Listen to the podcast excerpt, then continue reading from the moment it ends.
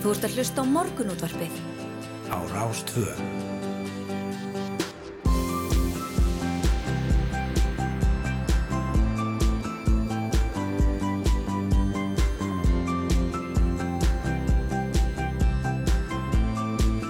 Morgunútvarpið Á Rástvö.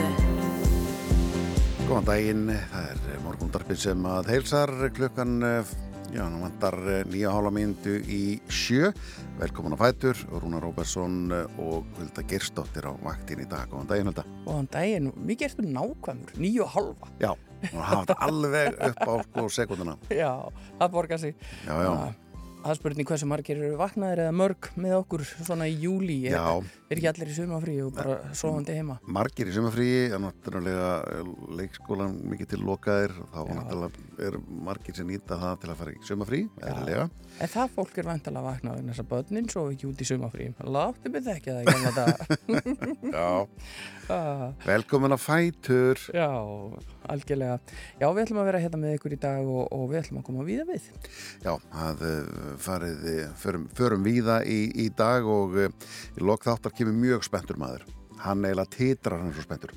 Nú, Já, það er sko nefnilega að vera að byrta mynd, fyrstu myndir frá web gamesjónangunum í dag og, og uh, seint í gerð kom ein mynd og, og það skelfur hjá honum Facebookið. Það er samt Sævar Helgi Bragarsson kemur til okkar og hann er svo spenntur að uh, fara yfir þessar uh, nýjustu fréttir uh, að skoða þessar fyrstu myndir frá þessum web gamesjónanga ah, sem eru mjög nákamar vist og er að sína okkur uh, skýrari myndir af hluta uh, gamesin sem hefur ekki verið mjög skýra áður.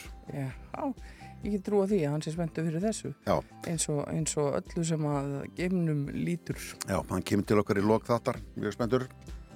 Já, Og- svo ætlum við að heyra í Óskari Hallgrímsinni íbúa í kænugarði og ljósmyndara sem að við höfum nú talað við nokkru sinnum undarfarnar vikur á mánuði. Hann hefur auðvitað fylst vel með atbörðarásin í Úkrænu og við höfum hringt í hann reglulega og fleiri fjölmiðlar. En hann er núna stattur á Íslandi og við ætlum að heyri honum að vísu í síma en hér heima þó og aðeins að, að- ræða við hann þessa upplifun og, og, og svona. Nú er hann búin að koma, ko- veist, nú smá fjallæð, hann er ekki alveg í miðjunni núna, nú er hann komin hingað heim og, og þá svona uh, gott að sjá svona hann hálfur aðeins yfir sviðið, hvernig hann er upplýta, hann er séð ímislegt sem að uh, venjur lífslendingur sér venjuleg ekki. já, algjörlega. Það er rátt að segja það. Eh, Nú eh, talandi um Úkrænu, þá erum við vikulegan pistil frá sagfræðingnum og reythefundinu Væli Gunnarsinni. Hann var í sístu viku í borginni Lviv en eh, segir nú frá um tíu tíma lestarferðalagi sínu til höfuborgarnar Kiev kænugarði. Eh, hann kemur til borgarna eftir tveggja ára fjárveru, hvernig hefur hún breyst? Hann setur sig í þau, þau spórum um hálf nýju. Já, og uh, svo ætlum við aðeins að, skoða húsnæðisverðið. Já, húsnæðsverðið eh, á höfuborgarsöðinu hefur hækkað um 24% undan 12 mánuði en það hækkað um 3% í mæ. Eh, síðan þá hefur Sæðalabankin gripið í taumana að svo með orðið koma. Streigið hefur úr aðgengjað lánsfjö og vextir hafa hækkað.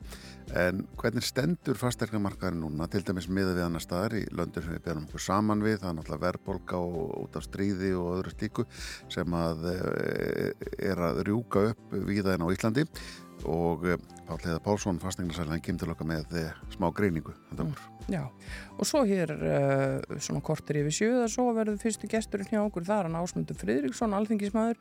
Hann er nú ekki óvanur að grípa í pennan og nýverið kom út hans nýjasta bók sem heitir Strandi Gini Gíksins. Þar bregður hann upp mynd af mannlífinu í Vesmanegum og tímum Surtsegagossins og þarna er sagt frá ýmsum svaðelförum sem því tengjast og Ásmundur ætlar að kíkja hérna við í morgunkaffi og segja okkur frá þessari bók og við ætlum að spyrja hann í leiðinu út í hérna árlugu skötumessu eða sumri sem hann skipulegur í júli til styrtar góðu málumni. Það eru menn að fara gúfísi skötu um hásumar. Já, já, já, já, já verðið þeim að góðu, Segir það? segi ég. Já, já, en uh, fórsíða morgunblæðinsins í dag, eh, 12. júli, hér segir heimsfaraldurinn hlýfði börnunum. Uh, þrjú af hverjum fjórum börnum sem smitast höfðu að COVID-19 á Íslandi fyrir hausti 2021 síndu meðal mikil enginni en tæplega fjórðungu barna var engina laus. Þá hefur engin börn alvarlega veik á þessu tímanbili en þau hefðu ekki verið bólusett. Þetta kemur fram í niðurstöðum rannsóknar sem læknandir Áskir Haraldsson, Kristín Björnsdóttir og Torvaldur Löfi unnu um árið COVID-19 börn undir stjórn Valdís S. Tors hjá Barnarspítala Ringsins. Áhugaverða niðurstöðu þar. Já, nú á fórsíðu fréttablasins er verið að tala um vindmilu ver á við Káranhjúka virkun. Áallanir um vindorku eru umdeildar og Samorka segir hann að sjálfsæða viðbót gæti gengt líki hlutverki í grætni orku á meðan aðri segja eðilegging og stæstu áallanir um vindmilur í Dalabíð gera ráð fyrir að tveiri vindorkugarðar gætu framleitt 300-400 megavött á rafmagni við hámars afgöst og til samaburðar þá skilar Káranhjókavirkjun 690 megavöttum af uppsettu afli. Og í fyrsta skipti í sögu íslenskra sveitafélaga hafa dalamenn samþygt breytingu aðalskipulagi undir vindorku verið fyrir almennan markað. Og það eru uh, mjög skiptar skoðanir auðvitað á þessu. Það segir hérna uh, spaðarnir í hæstu stöðu gætu farið í 200 metra hæð eða þrefalda hæð Hallgrímskirkju. Og tala hér við ímsa uh, í þessari frétt og farið nánar út í þetta inn í blæðinu heilmikil svona svolítið úttækt á þessu hér í fréttablaðinu þessum, þessum vindmillumálum Já, 200 metrar alltaf hátt uppi. Ég fór upp í 200 metran í útsýnisturnunum hérna í, í Berlín í sjónvarsturnunum í Berlín. Það er útsýnispallurinn í 230 metrar hæð og þarfur ofan er veitingasalur. Já Ég hef ekki satt mér að liði vel hann upp. E, ég geti þetta ekki. Þetta er rosalega loftrætt. Já, ah. það er sami hér. Þegar maður stendur við brúnina og horfið niður, það er óþægilegt. Það er svona bakka maður aðeins frá grindurkinu og sér borgina bara svona í svona panorama, ekkert niður. Það Nei. er betra. En sko fólk sem fer á svona eh, útsýningspalla sem, þess, það sem er sko gegnsætt golf. Já, glemdi því. ég er ekki að vera í það. Nei. ekki að ræða. Nú, Magnús Stefansson Hægfrangurs hjá Landsbankunum segir í morgumblæðin í dag eh, stöðu framvirka samninga með gjaldiri benda til að fyrirtæki eigi frekar vona á krónan styrkist á árunu nánar tiltekið það við sala og gjaldiri í framverkum samningum aukist en það fylgir sér að seljandur og gjaldiri eigi vona að fá færri krónur fyrir gjaldirin síðar á árunum Sumulegis hafa dreyið úr kaupum og gjaldir í á framverkum samningu sem bendir til þess sama að kaupundur og gjaldir til þessi munu þurfa að borga minna fyrir gjaldir síðar á árunum. Já. Hérna á síðu tvö í fréttablaðinu er sagt frá því hvernig Emilí á Grettir brúðust við bráðum trúðaskorti Íra. Ekkur getur nú sagt, hæ, hér?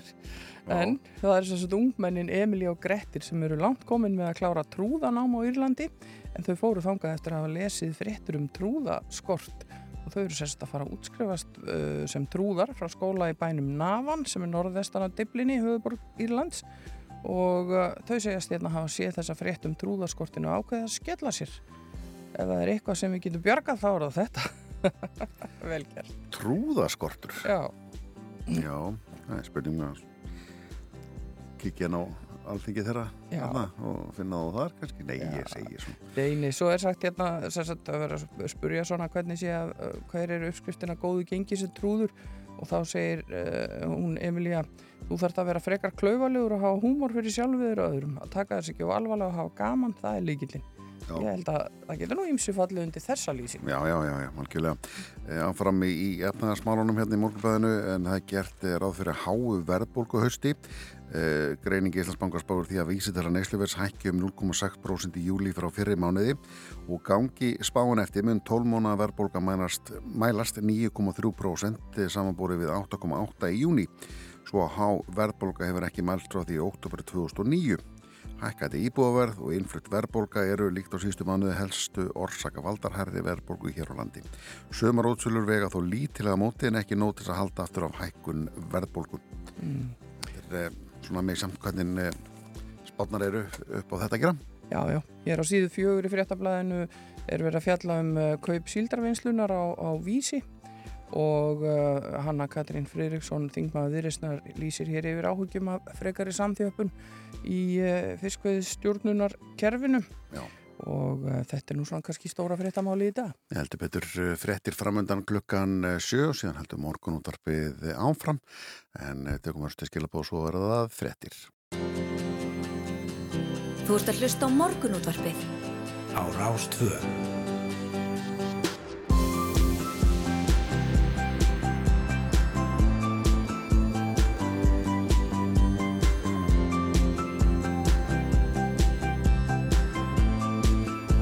morgunútvarpið. Á Rástfö Við bjóðum góðan dag hér á Rástfö það er morgunútvarpið sem heilsar og með ykkur í dag eru Hulda Geistóttir og Rúnar Róbertsson og eh, við ætlum að koma að viða við í dag eins og alltaf. Já meðan þess sem við eh, gerum í dag að, að fá, ef við fáum pistil, vikalan pistil frá sagfæraðingnum og reytuvundunum Væli Gunnarsenni sem er stættir í Úkrænum Sæður Helgi Bragarsson kemur til lokþáttar mjög spenntur yfir nýjum myndum úr geimnum. Mm -hmm, Hann segir okkur eitthvað fór á því. Nú og við förum dýbra von í málefni Úkrænu vegna þess að við ætlum að heyri Óskari Hallgrímsinni, ljósmyndara og íbúa í kænugarði sem við höfum nú spjalla við nokkur sinnum undarfarna mánuði. Og hann er stættur hér á Íslandi, við heyrum nú samt í honum í síma en hann verður hér á línunni upp úr klukkan halv åtta. Já, heimitt eh, húsnæðisverða þjóðborgarsæðin hefur hækkað um 24% undanfarnan tólmániði, hækkað 3% í mæ, Pál Heiða Pálsson fastegnarsali kemur okkar með smá greiningu hvernig stendur fastegnamarkaðar núna til dæmis miða við annar staðar í löndur sem við berum okkur saman við því að við erum ekki eina efnaðarsumhverfið eða eina e, þjóðuríki sem er að eiga við mikla verðbólku og, og hækkuna þessu öllu saman e, Mm -hmm. Þannig að þið annar aðeins að kíkja á þetta fyrir okkur eftir klukkan átta. Já og svo ætlar Ásmundur Fridriksson að setjast hjá okkur og segja okkur frá forvitnilegri bók sem að hann var að, að gefa út Strand í gíni gíksins. Þetta er uh, mannlífsögur og, og örlega sögur frá tímum Surseagossins og við ætlum að nota tækifæri líka á spurjan út í árlega skötumessu sem hann heldur alltaf í júli. Já, ég hérna ánæg með það að fá ása svona snemma því að hann á eftir að vekja okkur vel, res og kátur, það vantar ekki. Og hérna verður hérna eftir svona tímundir kortir eða svo eitthvað starf á því bílinu. Eh, Eldsnæmalögur Jú, jú. Mm, eh, Kíkjum til viðurs, gá til viðurs hérna, hugleginga viðurfræðings í morgunsárið. Allkröpp lagð er á norðurleið skamt söðaustur af Hortnafyrði Norðanátt ríkir því á landinu en hún verður staðbundin hvers á östfyrðum síðar í dag Það er því í gildi gul veður viðurun vegna kvassviðris til kvölds. Mm -hmm. Þeir sem að higgjast akka þar um ættu því að kanna vel veðuraðstæður áður en þeir legg í hann hlýtt í veðri á sunnanverðurlandinu í dag en fremur svalt nýrðra. Á morgun er komin fremur hæg, söð vestlagátt og smá skúrir á dreif en hlínar þá talsvert fyrir norðan. Svipa viður á 50 dag en á förstu dag er síðan núna á næstu lag með faksandi söð austanátt og ríkningu, mann er að dæsir bara. Það er Netflix helgi framöndan. Ég, ég ætla bara að taka það þannig. Uh, já, það er, er ekkert mjög sumanlegt í kortunum akkurat núna. Nei, við kíkjum bara við horfur úr höfuborgarsvæðinu bara fyrir næsta sólhæningin. Bara til þess að sjá hvernig getum ekki eða létt okkur lundi sem við búum á suðvesturhóttinu. Norðvestan 5-13 metrar á sekundu og skýja með köplum en lægir undir kvöld. Suðvestan 3-8 og smá skúrir á morgun hitti 8-13 stík. Aðeins skára. Já, já. Það er engar sérstakar fréttir á VV-gerðarinnar. Það er hérna einhverja örfáar framkvæmda fréttir, það er vega að vinna á Söðakróksbraut á milli Birkilíðar og Víkur í Skagafyrði umferðarhæði tekinn þar niður og ljósastýring á svæðinu nú og svo er verið að vara hér við á Östurlandi, það er mikið steinkast á borgarferðavegi nr. 94 Já. mælt með að fólk færi Róastunguveg og Lagarfossveg í staðin og síðan auðvitað Hálendisvegin viðkvæmir og, og uh, hlöðuvallavegur er skráður ófær um, hægt að fara á góðum fjórhjóladrifnum bíl upp að skálanum. En uh, þar fyrir ofan og að gatna mótum við skjaldbreiðaveg er allur ekstur bannaður og svo á uh, segir hér uh, um landmannlögar sem margir vilja nú heimsækja á sumrin. Búast má við töfum í alltaf 30 mínútur vegna áframhaldandi framkvæmda við brúna yfir jökul gils kvísl austan landmannlöga á virkum dögum út þessa vikur Já, já, já Einmitt, þegar maður ger að huga þessu bara hjá vegagerðinni að fara eitthvað þegar svona eins út fyrir Já, malbyggið. Og það er síðan hérna heilmikil upptalning á, á uh, Frangvandum? Já, vegavinnu, malbyggun og ymsu fleiri, bara endilega kikið á þetta. Endilega kikið á þetta. Vegagerðin.is Já, nákvæmlega. Fyrsta lægi hjá okkur í dag eiga hljómsveit allra landsmanna. Þetta eru Stöðmenn, lagið til Valgir Guðjónsson og þetta er Hóttlægi Getur. Góðan daginn, velkomin að fætur.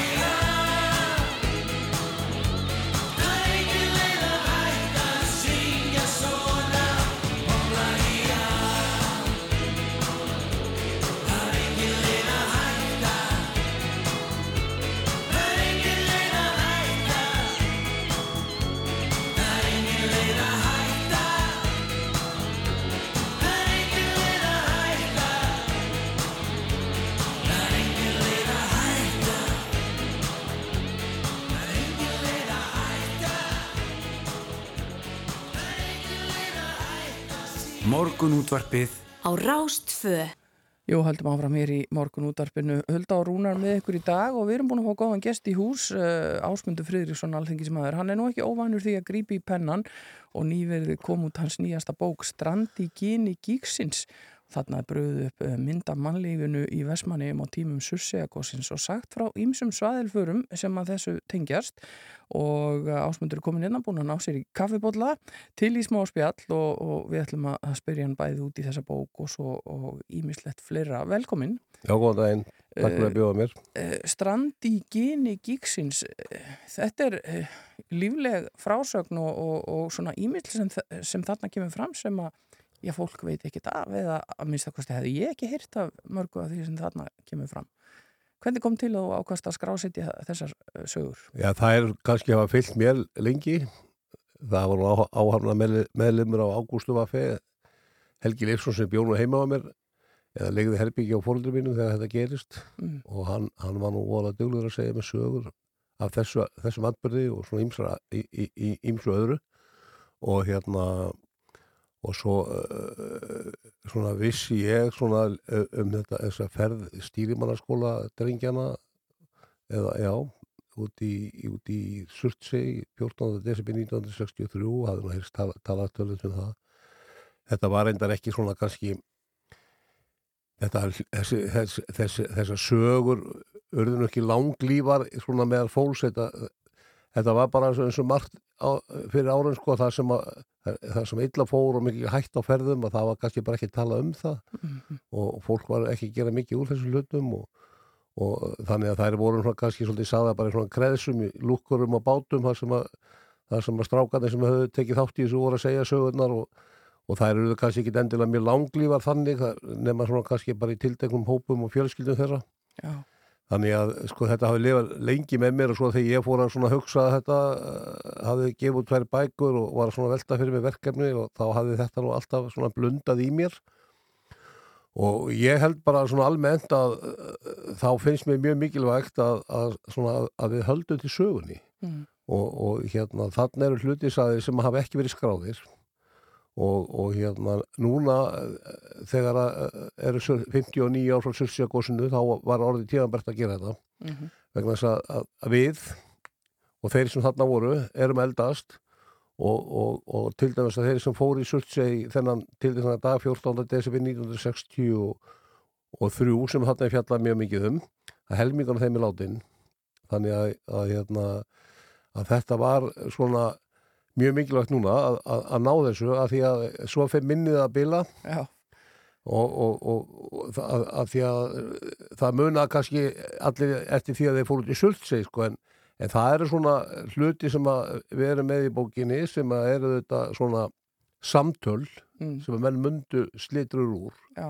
og svona stemminguna og, og, og, og hræðsluna og, og þess að hrikalega upplifun þegar þeir fá náttúrulega bara gósið yfir sig já. Segðu okkur örstuðt frá þessu án þess að gefa kannski ómikið uppi fyrir sem að, þau sem hafa áhuga á að lesa bókina en, en, en þetta til dæmis titill bókarina Strandi gini gíksins í Já. hvað, í hvað er verið að vísa þarna? Já, þannig er verið að vísi í það að sem að gerist nú svona miðbygg gossins í, í surtsér eldum eins og ég, ég vil nú kalla þetta Mhm. þetta voru, það komu það, það voru margir gígar í, í loki voru tveir gígar í surtsé það er talið að þetta hafi verið fjóri gígar þegar það byrjaði að gjósa á skerunum á 130 metra dýpi 14. november 63 og, og síðan kemur sirklingur upp og hann, hann verist vera svona einhverju tveir gígar eða þrýr svona í upphafi og þangar til eigin verður einn gígur hann lifði nú bara í, í nokkra mánuði sirklingur en, en hann lifði nóga lengi til þess að, að, að það strandaði bátur í gígnum.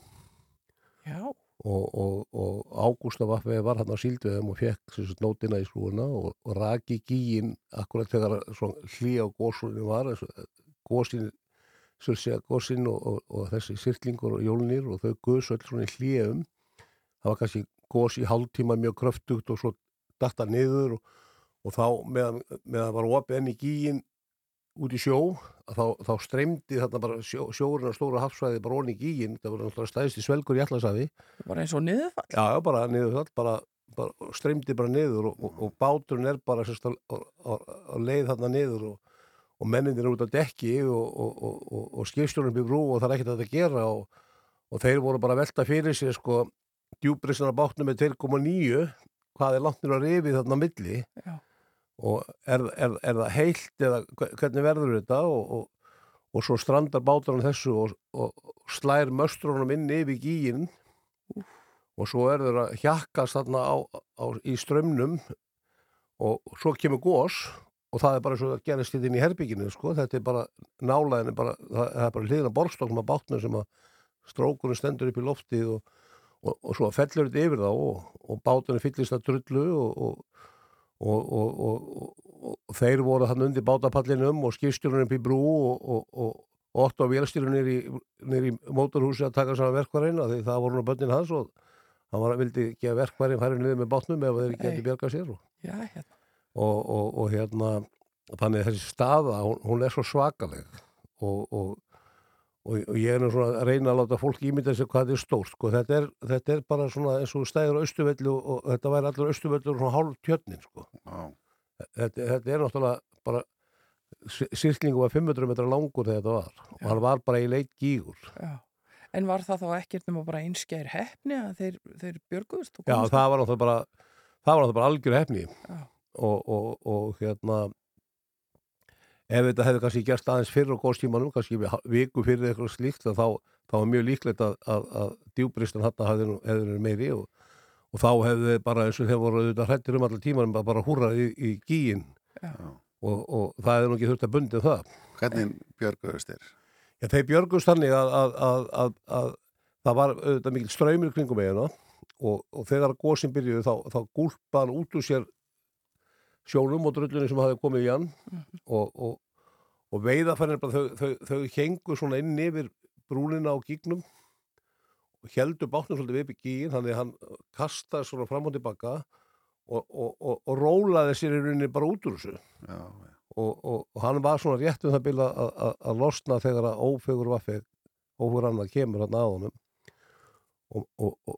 og í bókinu er líka líst bæði ástændunum borði ágústu Og, og hérna við höfum slítur og samtölum sem að þar fóru fram og svona mjög mikilvægi punktar fyrir svona bók mm -hmm. að hérna menn munna hvað skistjónin sagði þegar það kom gríðaleg sprenging úr gígnum sko yfir þá að þá sagði, þá sagði hérna Guði landamótun sem var skistjónin Guður Ólarsson það er svo þetta er nú bara þessu kóruðustrýðir menn var bara með húmórin í lagi er sko, lífsættu Þeir voru að byrja að koma niður undir bátadekk og vera með strákun á síðustu mómentin í lífinu sko.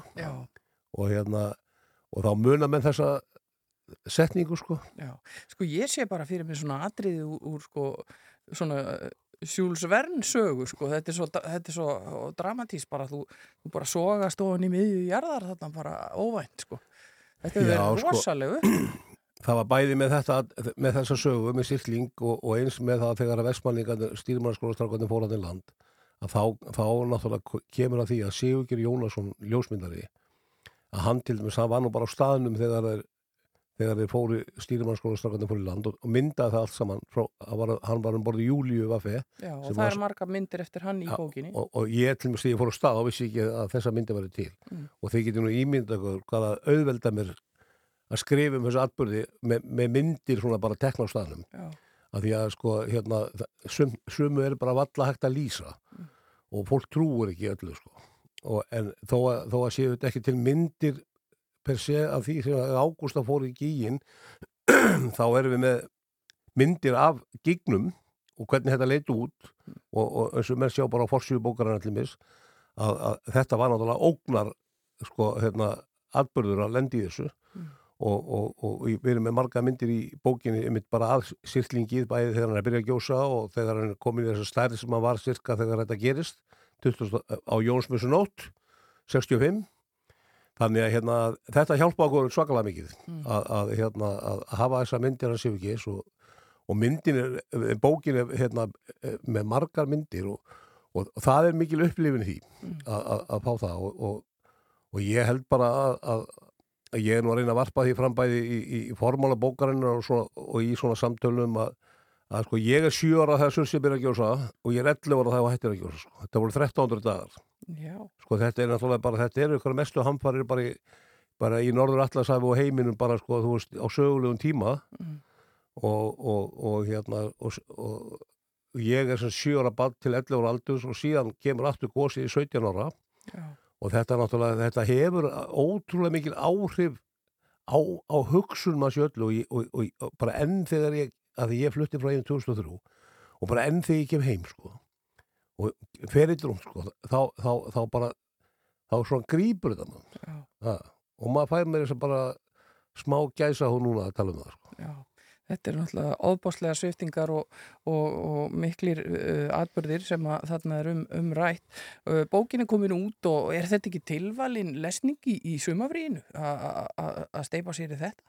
Jú, sko, þa- það sem að hérna er er nú líka í- við þessa bók er að í, í henni eru svona sex sjálfstæði kaplar sem fjalla svona um mannlífið í eigum þannig að, þannig að ég er líka að reyna að varpa svolítið svona ljósi á hvers konar mannlíf var í Vestmannum á þessum árum og, og, og svona aðeins hvaða áhrif þetta hafiði á, á það og, og, og það, það þurfti nú kannski aðra bók bara til að lýsa því hvað af hverju við vorum svona klárir í bátana þegar að hérna þegar að, þegar að gósi kemur svo 1973 að, að, að, að sko á tímum þessa faraldra sem eru núna í gangi sko að þá finnst mér sko að við getum svona heimfært að á, á, á, á heimega gósi sko að, að það var bara búið að bólusetja alltaf eigin fyrir gósi sko. Já, við vorum svolítið klári slægin já, og, og, og, og ég held að það hafi haft alveg afgjörandi áhrif á svona en, en, en, en rólega og yfirvegaða anda sem var þessar nótt sko. Já. Það er auðvitað alveg sérstakt og, og, og, og, og svona einhvern veginn þegar maður skoðar myndefni frá þeim tíma og, og sögur og annað að- einmitt, hvað fólk fór yfirvegað bara að heimanum miðjanótt með nánast ekkert með sér og um borð í bát og í burtu. Það var 17 ára ekki dóða... sko, það hafði mikla rákjur að það var komin í bæin sko. Já, greinilega margt, margt um að fjalla en uh, við ætlum ekki að sleppa þér alveg á þess að, spyrja þig út í, í annað verkefni, þú hefur nú alltaf nóg fyrir stafni þú, þú stendur fyrir því að fólk uh, skoplar í sér skötu að hásumri, Hva, hvað er í gangi þar? Já, ég er hérna með góðan hóp vina sem höfum gert það undanfærin ár. Við erum svona þrjár fjóra fjölskyldur má segja sem stöndum að því, hjón sem að hérna höfum gert þetta saman. Mm Fólk ættað úr garðinum og, og hérna söðunisjum. Og þetta hefur náttúrulega hérna allar tíð verið mjög vel þokkað. Það er hérna, menn fá ekki orðið sköt oft heima á sér, þannig að hérna Þannig að það finnst öllum gott að geta að fara út í bæi og fengið þessu skötu. Já, þú ert að bjarga málum fyrir marga. Þannig að það er verið að bjarga þetta svona heimilisvið við það. og hérna, en, en, en fyrst og fremst er, erum við líka að halda uppi svona, í, í gamla siði. Og það voru núna ísverðingar og vestverðingar sem að fóra á stað með tólasmis og sumri. Og við svona aðeins komum í, hérna, í trakki á þeim og, og, og, og og höfum verið halda þessu gangandi núna í ykkur 17 ár. Og, og við erum núna búin að vera í, í hvað 15 ári eða 12 eða mann ekki alveg hvað það er í gardinum í gerðarskóla í gardi og þetta hefur lukkast rosalega vel. Mm. og fólki finnst þetta rosalega svona, eða góð svona tilbreyting í júli að sleppa grillmatnum og, og, og bara drífa svo í garð og fá sér sköttu Og fólk er til í það bara að geta skötum hásum. Já, sko, á þessum tíma þá erum við orðin svona stór fjölskylda sem heitir sko. Og, og, og, og núna er, er, er hérna mikið pantað og ég held að það verði uppselt á skötum með svona.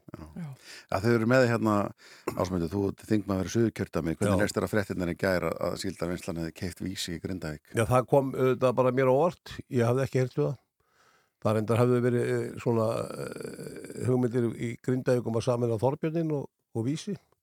Og, og hérna það, það er fyrirætlaning engun ekki eftir á sín tíma. Ég hérna ég fagna þeim fréttum að, að vinslan verður áfram á, á, á svæðinu. Það er nú svona það fyrsta sem ég hérna tek eftir. Vísir hérna er afar hérna tröst og gott fyrirtæki og, og því hefur stjórnar afar góðu fólki sem er heimafólk og það skiptir mjög miklu máli fyrir samfélagi Grindavík og okkur öllu á Suðunisjum og þetta landi alltaf að þessu fyrirtæki verði áfram vel stjórnað og, og, og, og, atvinnulífið og, þau tækifæri sem það hefur skapað í Grindavík haldi áfram að vaks og dafna. Ég minni á að, að, að, að fyrirtækin í Grindavík í sjáurúdögi þau hafa nú gengið svolítið fram fyrir skjöldu núna undanförnum árum til dæmis með því að stopna haustak sem er svona fyrsta alveg fiskþurkurinn í Íslandi sem var náttúrulega alveg sko bara langt á undan öllum öðrum reynda var laugafiskur líka eh, þá kominn í kjölfæri, ég mann ekki alveg hvort, var undan eftir.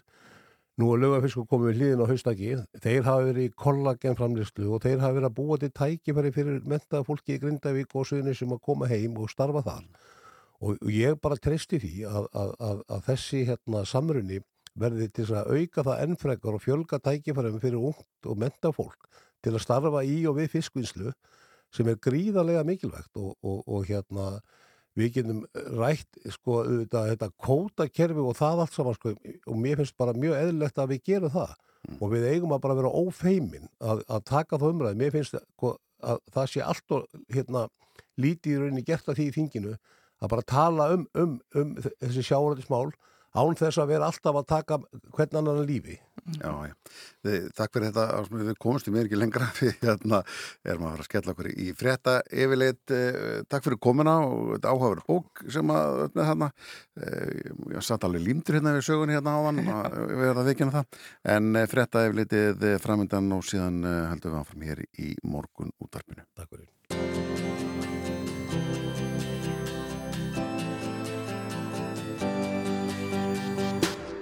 Þú ert að hlusta á morgunútvarpið. á Rástvö.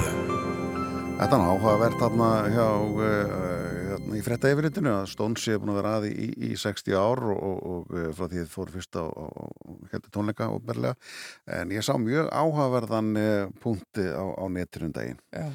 og það var eitt sem byrjaði svona hlusti á mig, ekki, ekki, ekki öskra mig strax en þetta er hugmynd Rolling Stones vantar bassalegara og trómara Mm. Bítlarnir hafa bassalegara og trómara það eina sem þetta er saman þetta bara, ok. þetta er snar geggi hugmynd Þetta er, en Ha. pældu samt í þó að það væri ekki nema bara einir tónleikar eða eitthvað. Frábær hugmynd. Já, einmitt. Ég, ég er til í það. En, en þú veist, þetta, þetta hefur verið oft svona, þetta tveggja hljómsita svona ball, eins og sagt er upp á, upp á slæma íslensku, þetta byrjar eiginlega þarna, með sko Stones og Beatlónum. Já, er það ekki? Jú, ég menna, þú, þú ert annarkort, ég menna, ertu Stonesari eða ertu einmitt. Og, og síðan erum við búin að sjá þetta, þetta marg oft í gegnum tíðina, ég meina svo eru Duran og Vam og síðan eru Oasis og Blur og veist, þetta er, þetta er svona eh, hérna, þema sem að endur tökur sig í músikinni. Já, já, það, það er alveg rétt og hérna, já, já, þetta, þetta byrjaði þetta þarna að einhverju leiti. En þetta er svolítið ólík bönd samt sem áður, þátt fyrir sko, Já, það er alveg rétt. og hérna, mér að segja, samt á sínum tíma þegar átti að vera svona einhver sam, samketið millir að þá, þá voru bílarnir eitthvað svona að semja fyrir þá líka. Nú, að, en hvort ert þú? Stónsar eða bílari? Bílari, ég hef aldrei náð stóns. Já, þá erum við í samanliðinu. já, já. Er, þetta er miklu liti uppeldist tengt hjá mér. Það, ég er bara svona, uh, fekk bíla músikina með móður mjölkinni og, og rúmlega það, en, en ég reyndar... Pappi og nú farið á stónstónleika þannig að þetta er nú ekki, hann er ekki alveg heila þegin hinnum einn en, en, en samt Þetta skulum bara samt ekkit svona að uh, láta, maður vil ekki láta býta hausin af sér fyrir það að vera, vera ekki stónsæri og tala svona en, en við bætið þau upp núna með því að spila bara stónseldi ég. Held að við tökum hérna eins og eitt stónslag. Ef ég, ef ég næði hérna inn á meðan að við erum að tala að hérna að ég er svona að reyna að gera þetta með, með að vera aðeins saman en jújú, jú, er það ekki, ef ekki að heyra hérna og eld hórsins áður við ringi meðan Óskar Hallgrímsson. Það er fallett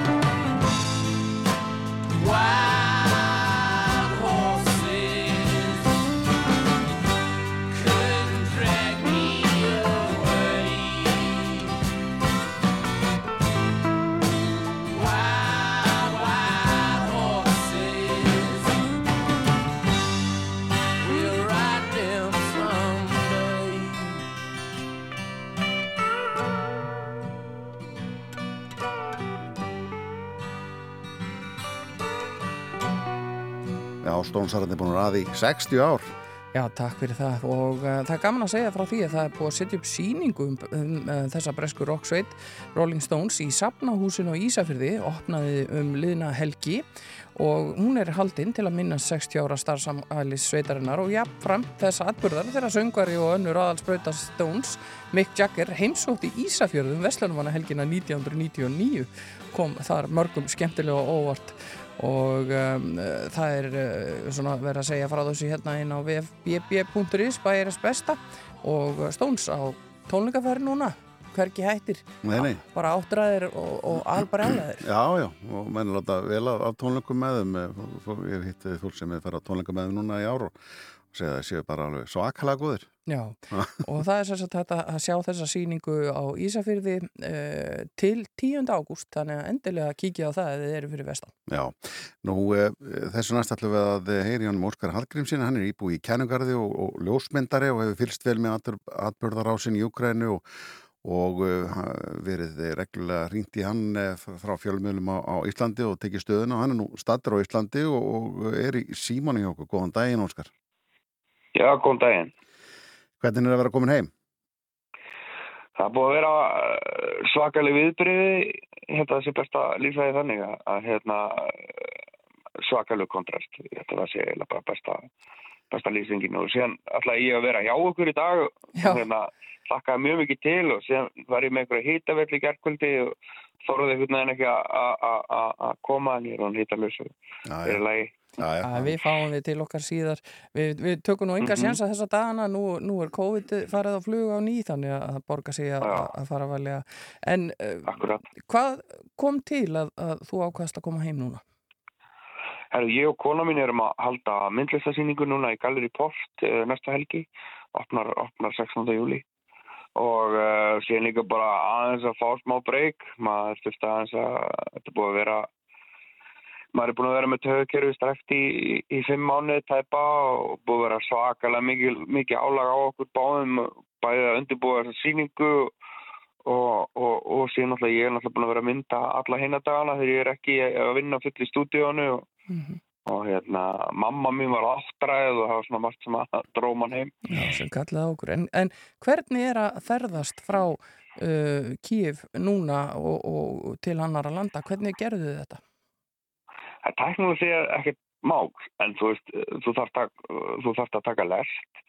Lestin er alveg, sko, við vorum í henni í, í 16 klukkutíma, en, en, en það var að því að, sko, vartum við að vera 12, en, en sem var fjögra klukkutíma að byggja landamörnum og svona, en þetta er alltaf lægi, þetta er svona nætulest og maður er bara með svona sin eigin, eigin skála eða eigin svona klefa og maður bara, þú veist, lægði sér bara og þú veist, það var alltaf lega, mjög þægilegt bara. Ég er vel þennan máta til að ferðast miklu frekar heldur en að sitja í einhverju viss er sæti bara klukktíma sko. Já.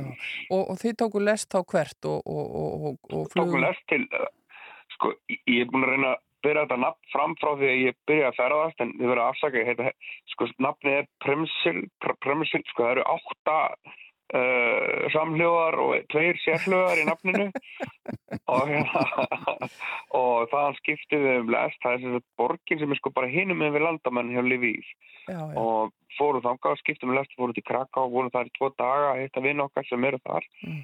Og sem bara fluguð þaðan heim og nú hafa ekki pál Nei, en þú tal talar um þannig tögakerfi e, fyrir mánuði núna Já. komin heim til Íslands og horfið tilbaka, hvernig er líðanin eða svona og, og hvernig setur þetta í þér? Þú er búin að sjá margt sem að maður getur ekki ímyndað sér að sjá nokkur tíman mm. á lífsliðinni Þetta er bara sko, í fyrsta legi er tögakerfi miklu strektara heldur en ég held mm. það er það er, er svakalega svona viðbrið, ja, þú veist að maður er einhvern veginn, þegar þú ert aðna þá er einhvern veginn ekkert annan til heldur en þetta, þú veist að stríðið er einhvern veginn svona nummer 1, 2, 3, 4 og 5 í höstum á manni og, og sen kemur þú veist lífið. Og það er einhvern veginn þannig hjá öllum sumir hlutir falla í bakgrunnin og, og þú veist eins og í Kíf, maður var einhvern veginn þannig að halda að þú veist bara Kíf var orðin bara eins og Kíf var. Uh, nema þú veist síðan kemur maður til Kraka og þá fattar maður að hinga við einn rumurleiki Mhm. og þú veist uh, sandbókur út um allt í, í, í, í Kív og Hermenn og annað sem er náttúrulega ekki í vennilegum borgum en maður var alveg hættur að taka eftir því og, og þú veist svona loftlornan bjöllur og annað þú veist þetta var alveg, maður var alveg hættur að taka eftir því að þetta var partur af sinni svona daglega lífi en þú veist, uh, jú eins og spyrð sko með, þú veist, hvernig líðanin er að ég held að ég sé bara að upplifa þetta á góðalega heilbriðan hátt, skilju, maður er búin að sjá svakalega hörmulega hluti, þú veist, sérstaklega ég fór náttúrulega erfiðast fyrir mig kannski var að fara til Bútsa, ég fór til Bútsa hérna fjórum dögum eftir er opnuðu og þú veist, Mm. þá sá ég fjöldagrafir og, og, og, og þú veist líka á göttum og annað og og þú veist ég líka búin að fara á inn á átakasvæði og það sem eru byrlundi bardagar í gangi og, og annað og, og þú veist ég, eins og ég sagt allan tíman að að, hérna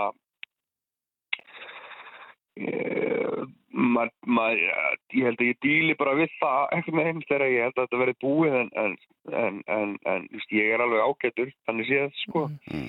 en, en þetta er náttúrulega þetta er náttúrulega bara eðlilegt að maður sé frekar frekar strektur eftir að hafa verið á svona stað sko Já. Já, en e- ertu þá er það að upplifa það í raun og veru ótrúlega aðlögunar hefni mannsins eins og nefnir þarna að þetta var farið að vera bara eðlilegt að hafa hlutina svona og svona í kringu sig? Það er eins og ég sagði sko það, þú veist, það er þess, þessi, sko, þessi staða það er í alvörun ekki ekkert að ímynda sér hana. Þú veist, maður sé einskipti sem, þú veist, ég er bara eitthvað listamaður frá Íslandi, skil ég aldrei verið í stríði og eitthvað svona, þú veist, ég hef ekkert lent í eitthvað svona, ég meni, ég hef alveg ég er búin að vinna þessi ljósmyndir í, ég hef verið 20 ára og, og hef alveg verið í svona, verið skrýtn, á skrýtnum stöðum í heiminum, en, en stríð er bara allt annað, þú veist, Mm. þetta er það versta sem manneskjönd getur gert og, og hérna, það er ekkert ekkert að ímynda sér þetta og, og það eru margir hluti sem ég held að ég erði ekki miklu erfiðara með eins og til dæmis að sjá þetta sem ég sá í Bútsja Mm.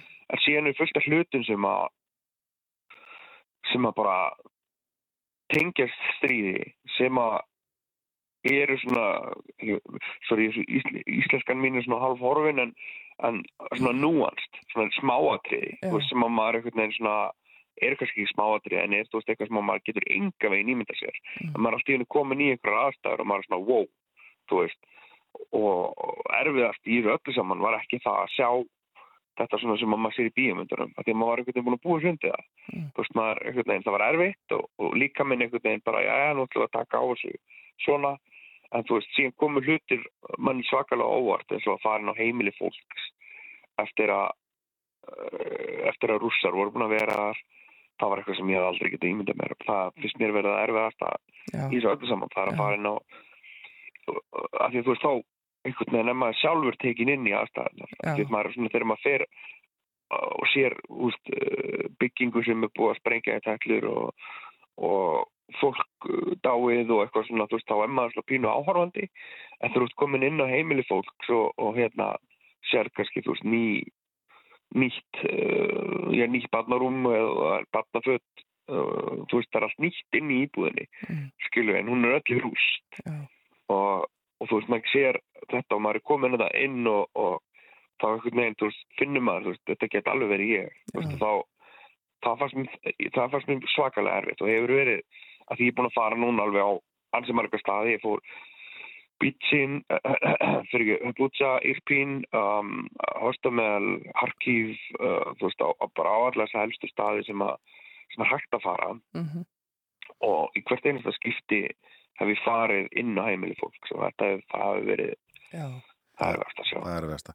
Eh, Það vakti aðtegli að þið tókuð ákvörunum það að vera ámfram í Kíf eftir að stríðið braust út. Eh, Það hefur verið ennþá, þú ert ennþá samfærum að það hefur verið rétt ákvörðun?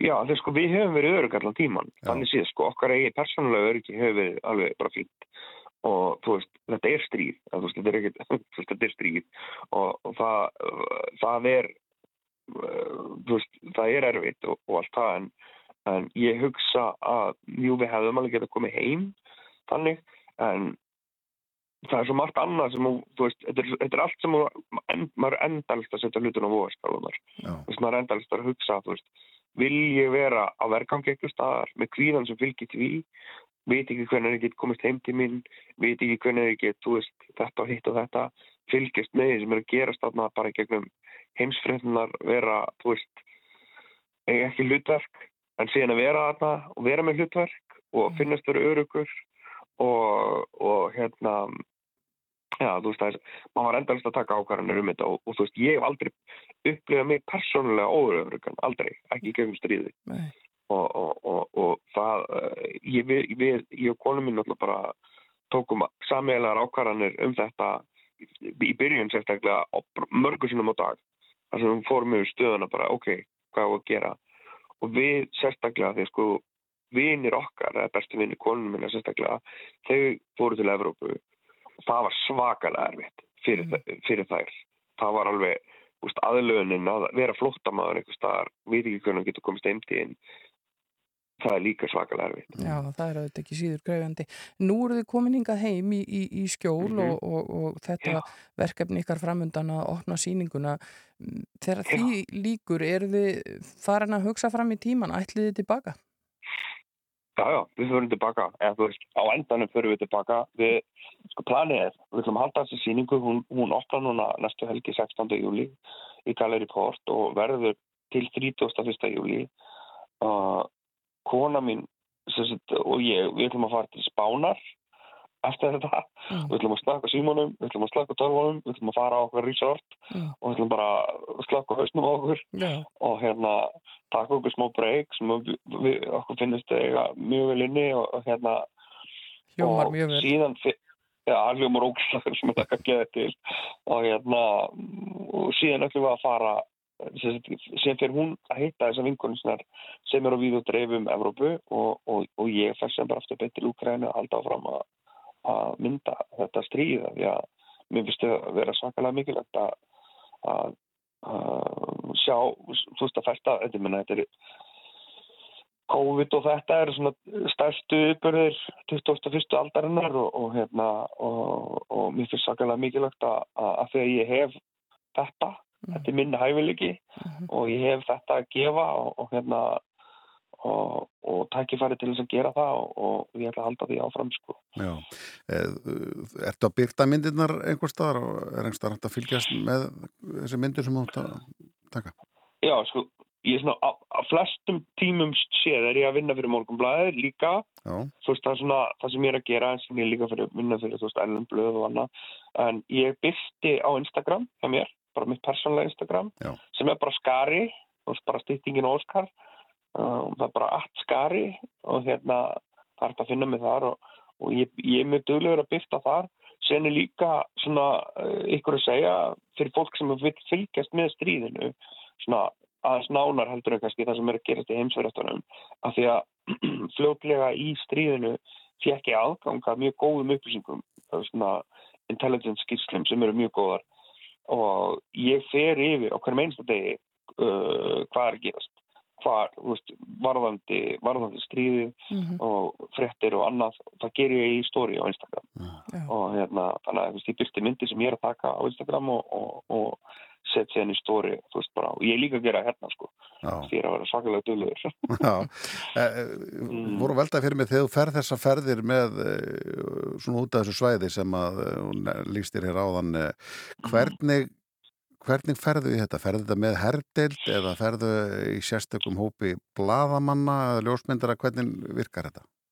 hann svolítið allir gangur á því en þú veist, ég, sko, ég bara einu sinni farið inn á svona alveg átakasvæði það var, þegar ég fór, í- ég er reynda til þess að ég fór til Irpín og fór til Harkiv og þú veist uh, það er til, ég veit ekki, blaðamenn þekkja það að kalla svona fixers það er svona fólk sem að, Mm. það er svona ræður í vinnu sem er svona, er, þú veist frá svæðinu er, er, já, er, eru svona græjarar þú veist, Mhm. þeir retta málunum fyrir mann og, og það eru, þeir eru mis þú veist, uh, mismunandi eftir, eftir því sem hann var að færa fara í og maður ræður það í vinnu og þeir eru inn að sjá um þú veist, að koma minn inn á þá, þau svæði sem maður þarf að komast inn á. En síðan varandi svo, þú veist, öryggi og annað, veist, ég er skotildi vesti uh, og með skotildan hjálm og ég með, með sko, hérna sérstakann blaðmann að passa frá hernum sem að svona, hleypum mér inn á svæðin, þú veist, þeir eru ekkert að stoppa manna á einhverjum línum og, og þannig og, og síðan að því að ég er fátakur íslenskur fréttalistum þegar, þá er ég ekkert að, hérna, á ég ekki peningi til þess að ráða með svona öryggisfulltrúa eins og, eins og New York Times og, og, og Guardian og þannig, þannig að ég fer stundu bara á eftir þá, þannig að ég bara.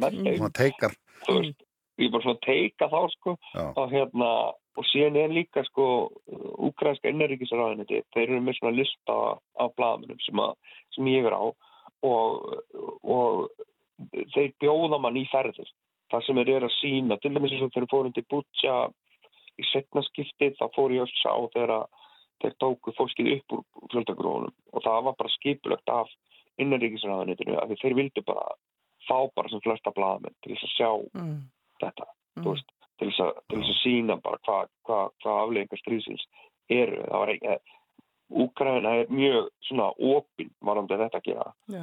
og þú veist, þannig að þeir þá, maður bara, þú mættu þarna og þá bara eftir, þú veist, settir í rútu með fyrsta hermunum og, og þú veist, þú veist bara kerður á stað og það, ég menna, það voru 200 og eitthvað alltaf blaðum, þú veist, í, þeirri ferð en það er svona eftir gangur á því.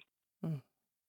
Já, en það er gott að, að þeir komin hinga heim í skjól og síningin ykkar opnar um næstu helgi, 16. júli Já. í Galleri Port Já. og, og, og, og um, það er nóg að gera við að koma því á koppin og svo er það spánarfrí. Ég, ég vona að, að þið muni njóta þar og ná að endur hlaða batterín eftir þessa erfiðu lífsreynslu undafarið. Það verður alveg geggjað og hérna og ég bara vonandi að fá sem flesta uh, á síninguna, hún verður í þrjár vikur.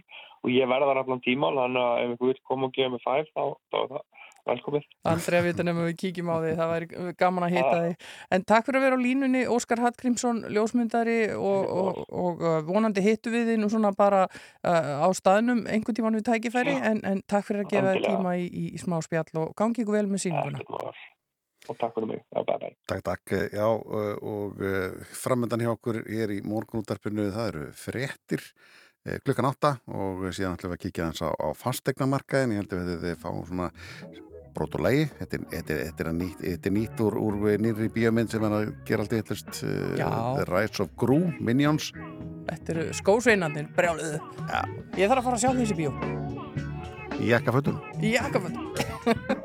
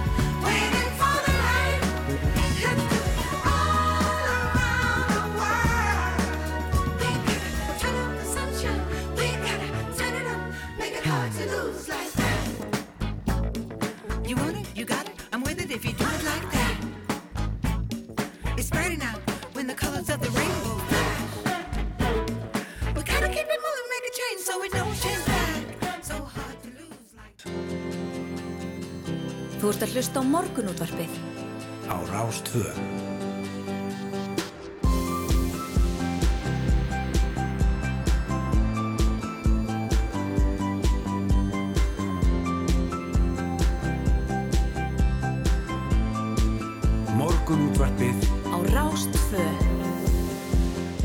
Framhaldum við hér í morgunútarpinu. Það er Hulda Geistóttir og Rúna Róbersson sem eru með ykkur í dag. Við möttum að vera hér í tæpan klukkutíma til klukkan nýju.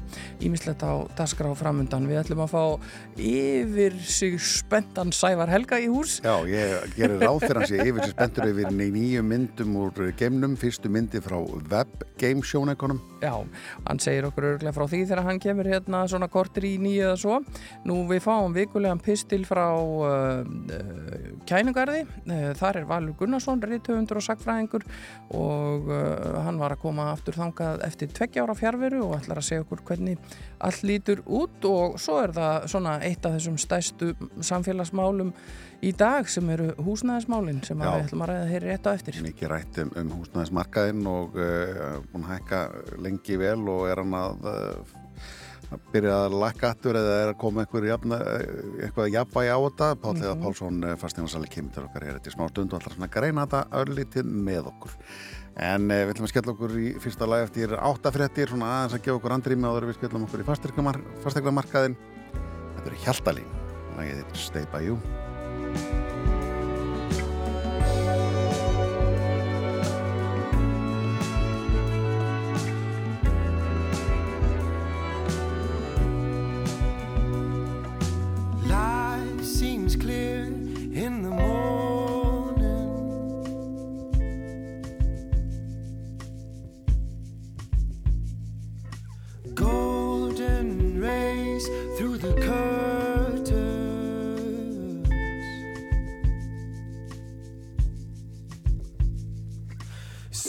Softly dance on her shoulders.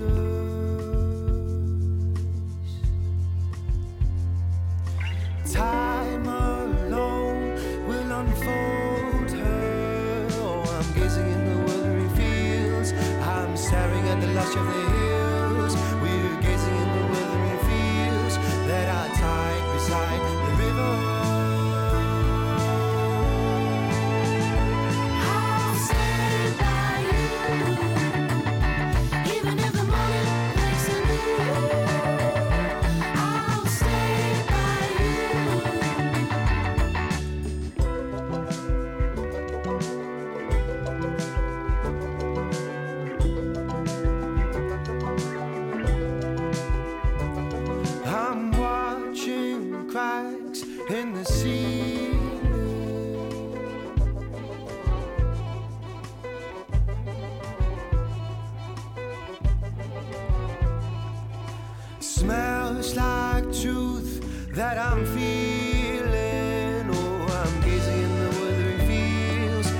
staring at the lush of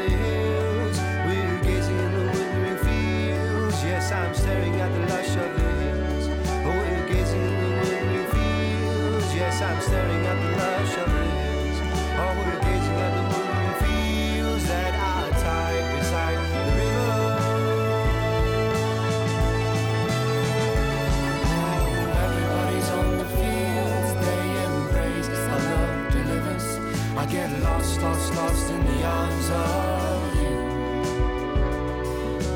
All I wanna do is feel your heartbeat to my rhythm. I get lost, lost, lost when I'm near to you. Everybody's on the fields, they embrace our love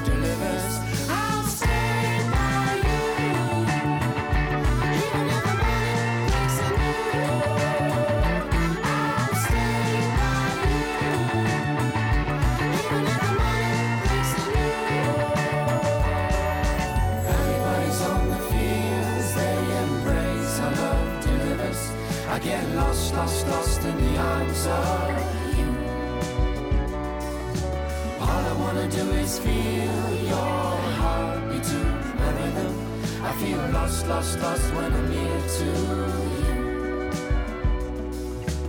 Everybody's on the fields, they embrace our love delivers. I get lost, lost, lost in the arms of you. All I wanna do is feel your heartbeat to my rhythm. I get lost, lost, lost when I'm near to you. I feel lost, lost, lost when I'm near to you. Get lost, lost, lost when I'm near to you. I feel lost, lost, lost when I'm near to you.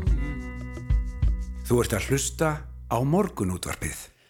Á Rás 2. bara svo að það sé á reynu alveg pottjett, svo veitu hvað þú ert. Já, nákvæmlega, en þessu næsta ára það fastegna markaðarinn og uh, heyrði, ég heyrði að skýstir sem kom út eða svona greiningu að sem að tala um að húsnæðsverð á höfuborgarsvæðinu hafi hækkað um 24% undanfarnan 12 mánuði og um 3% bara núna síðast í mæ. Eh, Síðan þá hefur Sælabankir verið að grípa í taumana ef að svona varði komast. Dreigið hefur úr eh, aðgengja að lánsfíð að einhver leiti og, og vextir hafa hækkað. En eh, hvernig stendur fastegnamarkaðarinn núna, til dæmis með að við annar staðir í löndu sem við berum okkur sama við, eh, Pálliða Pálsson, fastegnarsali mættur, velkomin. Takk hérlega fyrir mig. Þú ert mikið að að svona greina hlutina, Já. spá í í hvert þetta er að fara og hvað er að Mm. gerast. Mm. Hvað er að gerast? Sko, markaðurinn er að gefa mjög mísvísandi skilabóður en að veru. Þú veist, það er um 40% minni sala heldur en var í fyrra, sama tími fyrra. Já. Já, það munar svo miklu. Já, það er nefnilega, reyndar var síðastar var algjört metár Já. og hérna uh, en ég held að sé líka út af því að út af þessum skortir sem hefur verið til stað, það hefur bara ekki verið til nú á fastegnum. Ég er alveg sam, samfærður um það ef það væri til meira þá væri salan tölvört meiri. Mm.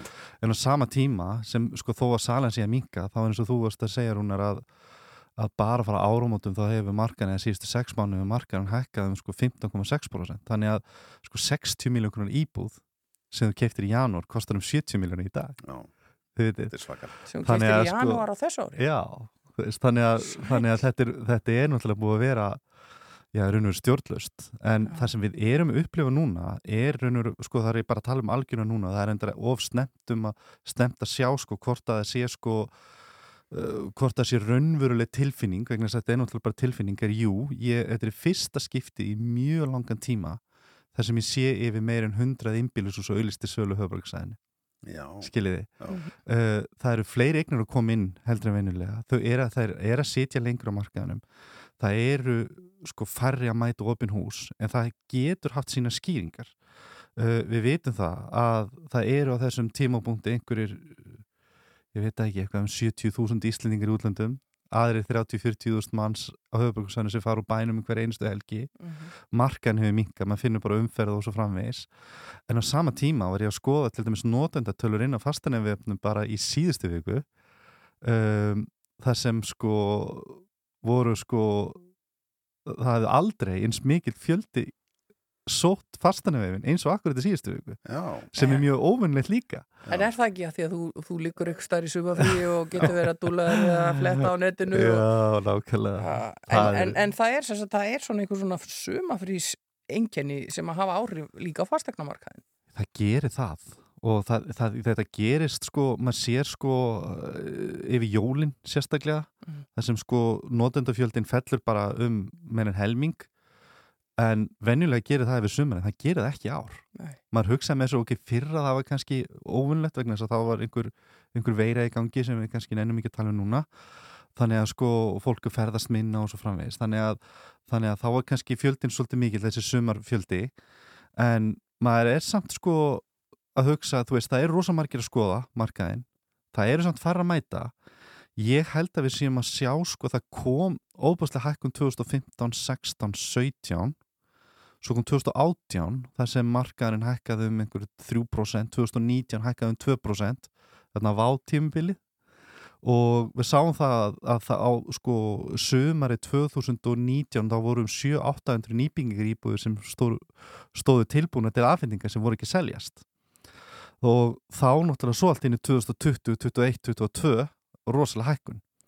Þannig að eh, þetta eru að mínu mati sko vonandi vegna þess að þessar vakstahækkanir og, og svo framvegis þessu umræðum verðbólku og fleira hún er vonandi að skila okkur því að fastegnaverð fara að slaka á.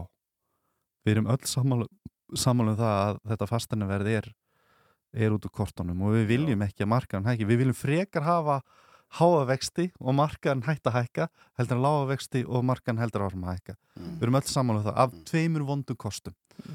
Þannig að vonandi fyrir þetta að skila sér bara í svona En, en hvað þarf til að þetta svona nái ykkur eðlilegu innan gæsalappa jafnvægi, er það gerist það ekki fyrir en að það verður búið að byggja 3.000, 6.000 íbúður í Já. viðbóti eða? við þurfum að sjá svona 2000 til 2500 íbúður auðlist til sölu og þar af svona 5-700 nýbyggingar Já. af því að nýbyggingarnar sko 70% af þeim sem kaupa nýbyggingar eru fólk sem eru að koma úr öðrum eignum. Þannig að þau hafa svona ákveðin malkvöldin áhrif. Það kemur svo mikið annað inn á markaðin þegar nýbyggingar eign kemur inn á markaðin uh, við erum auglýstar eignir inn á fastarum með MBL núna til dæmis eru rétt tæpa 900 auðvitað eru mikið að þeim auglýstar til sölu og það er einhverja tvískráningur og svo framvegis. En og sem dæmi, þú veist það eru um 126 einbýlishús það eru innan við 20 íbúður sem eru auglýstar undir 40 miljónum þannig að allir það verður ekki bara síðustu 20 íbúðurna sem seljast undir 40 miljónum á höfuborgarsvæðinu þannig þannig að það er náttúrulega bara það sama og búið lengi búið að tala í umræðinni að segja umræðinni að það er náttúrulega bara að það þarf að byggja meira Já. En er það þá að takast þessi, að, þessi aðgerði sem Sæðlabankin greip til að, mér finnst það snöggkólna svona allt í henni núna því að hérna maður heyrði að sko að eh, segjum bara íbútir sölu það sem var slegist um hana og mm Mhm. var yfirbóð mm fyrir Mhm. bara kannski einum og hálfum mánuði síðan Mhm. svo núna að því að salan gekk ekki í gegn vegna þess að þið komandi á ekki greifli maður að þá er að bjóða undirverð bara á einhverjum einu mánuði er þetta breyst? Það er aðeins það, það, og ég te, te, tek það fram þetta er svona tilfinning af því að við höfum ekki tölu til að bakka þau upp að við fáum þær tölu ekki fyrir næsta það næsta mánuði.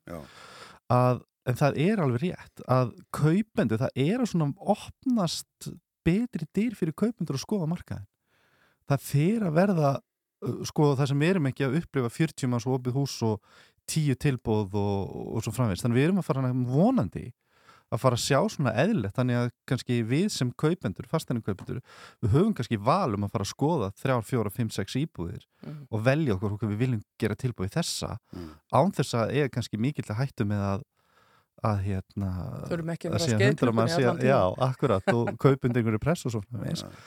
en þetta er júlimánuður það eru margir elendis, það eru margir út á bænum og hérna þannig að þetta er svona meira byggt á tilfinningu en, og reynslu bara núna síðustu tveggja, þryggja, fjakara vikna Mhm. þannig að vonandi er þetta að skila sér En þessar aðgerðir En þú skoðaði líka aðeins nágrannlöndin okkar að það sem við byrjum Já, sama við. Hvernig já. er markan þar? Nú eru þau eh, flest lönd að eiga við verðbólgu um í þess dagana. Einmitt, einmitt. Markaðan er, hann hefur náttúrulega verið að hækka þar líka eins og Nóri og Danmörku en sko þessi umræða um það að sko þetta er náttúrulega skoðun að ég hef alltaf verið að þeirri skoðun að svona 80% ástæðinu fyrir þessum verðhækkunum eru þetta skorti Jújú, vissulega á ódýri peningar og fleira hafa líka áhrif en svo eru löndinni kringum okkur þar sem peningarnir eru lánsfíði mjög ódýrt, miklu ódýr heldur en í Íslandi þar sem markan hefur ekki hækkað svona svakalega út af því að frambóð hefur verið í lægi. En er ekki líka þar uh, aðeins uh, erfiðar að fá lánsfið þú þetta standast aðeins meiri kröfur? Er það Um, um, vitleisa hjá mér? Njá, sko, nei, nei, þú veist, svona já og nei. Þú veist, það, það eru, sko, sko, það eru svona svipaða reglur, lánsreglur. Það eru oft þessi regla að raun og veru nett og tekjunæðinar, svona 30-35% af nettu tekjunum er raun og veru má fara í að greiða af láni. Þannig að segjum svo sétt með bara leikur að tölum 100 ás krónar á mánu í tekjur útborgað, það máttu vera með áborgun upp á 35 30-35.000 uh, hins vegar í- stöndum við mjög vel. Þú veist það er held ég meðal veðsetning á lánum á Íslandi í dag er bara rétt um 28% sem er tölvöld minna heldur en löndunum í kringum okkur. Við talum ekki um lönd eins og Bretland og það er, ég vótt svona að leiki mig með það þetta er nú engin vísendilega hagfræði en það er alveg hagfræði sem menn hafa leikað sér með. Leikið sér með er að þú tekur sko launin segjum bara launin ykkar séu bara ímyndað ykkur bara töluna. Mhm.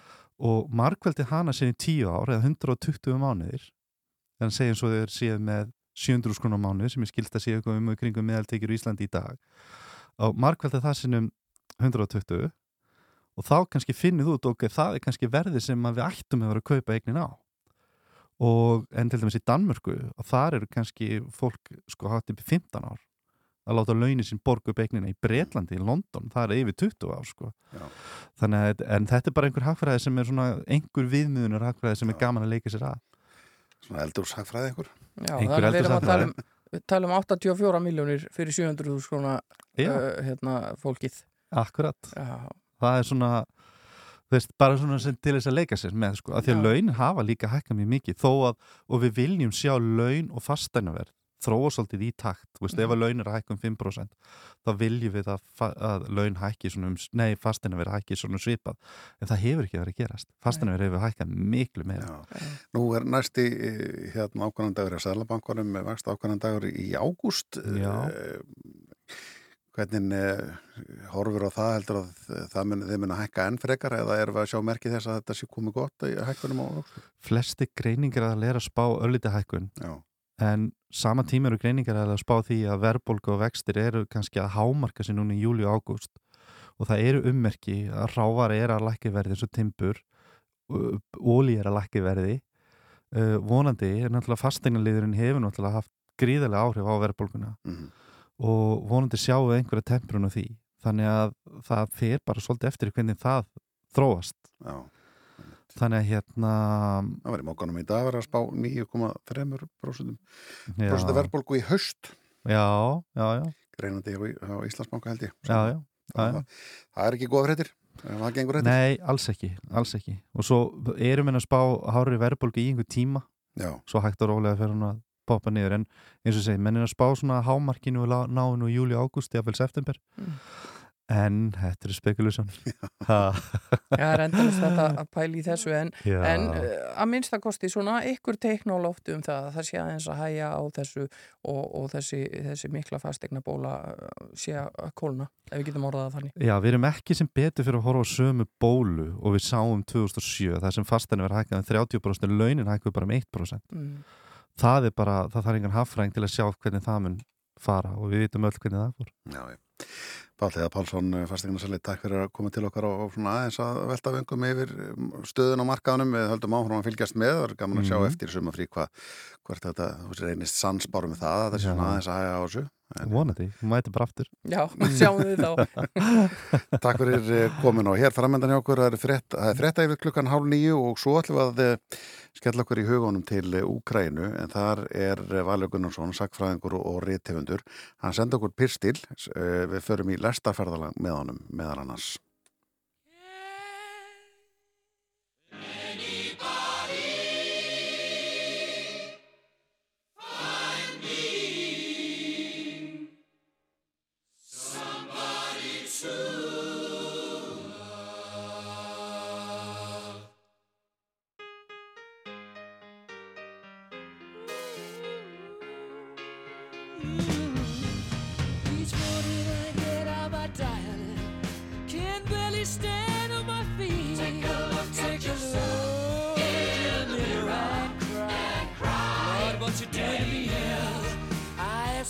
my ears and believe in you, but I just can't.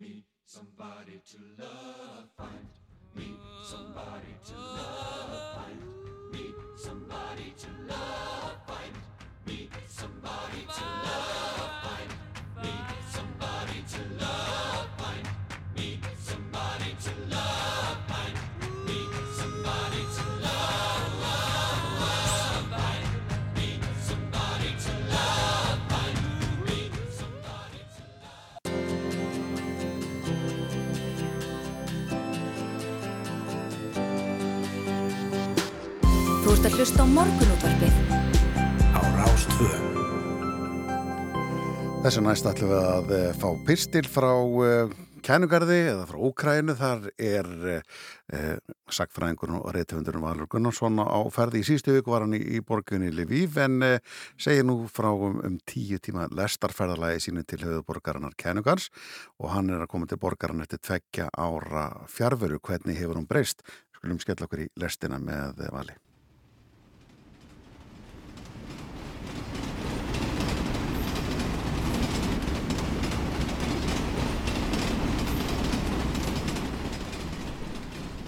Að ferðast yfir Úkrænu með lest er eins og að keira gegnum fána. Gul engi, blár heiminn, en eitthvað á grænu að auki.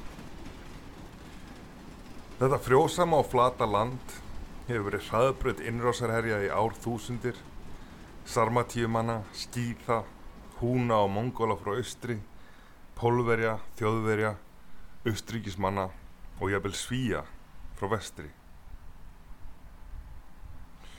Fá vexumerki er um stríð þessa dagana ef undan er skilin plastfilman í gluggunum sem á að koma í veg fyrir að þeir splundrist yfir farþega ef til árásar kemur. Við erum fjögur í klefanum, ég, miðaldra móðu með lítið barn og eldri kona og myndum litla lestar fjölskyldu þóttu við höfum ekki sést áður nýjum munum sjást aftur. Ferðalagið á milli Lviv og Kív á að taka átta tíma og lestin fyrir tímanlega af stað.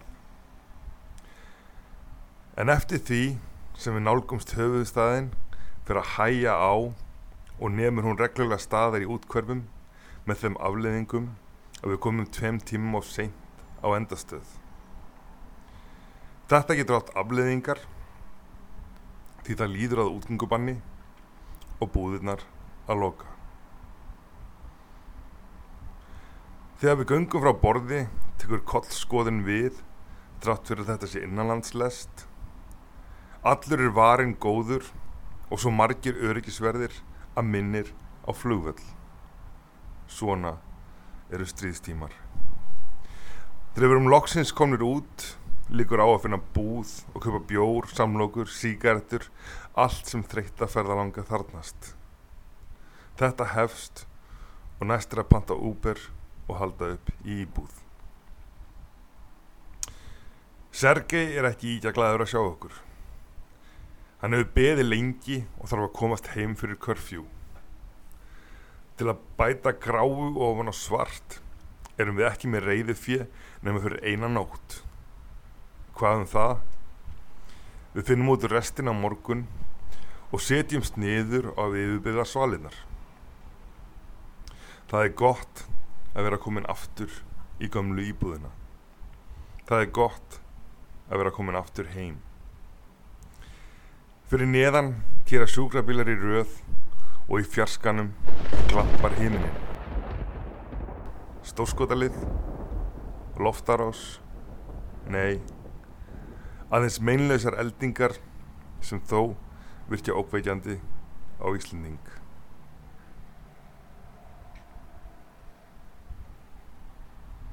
Það eru nákvæmlega tvö ár síðan ég yfirgaf kænugar síðast.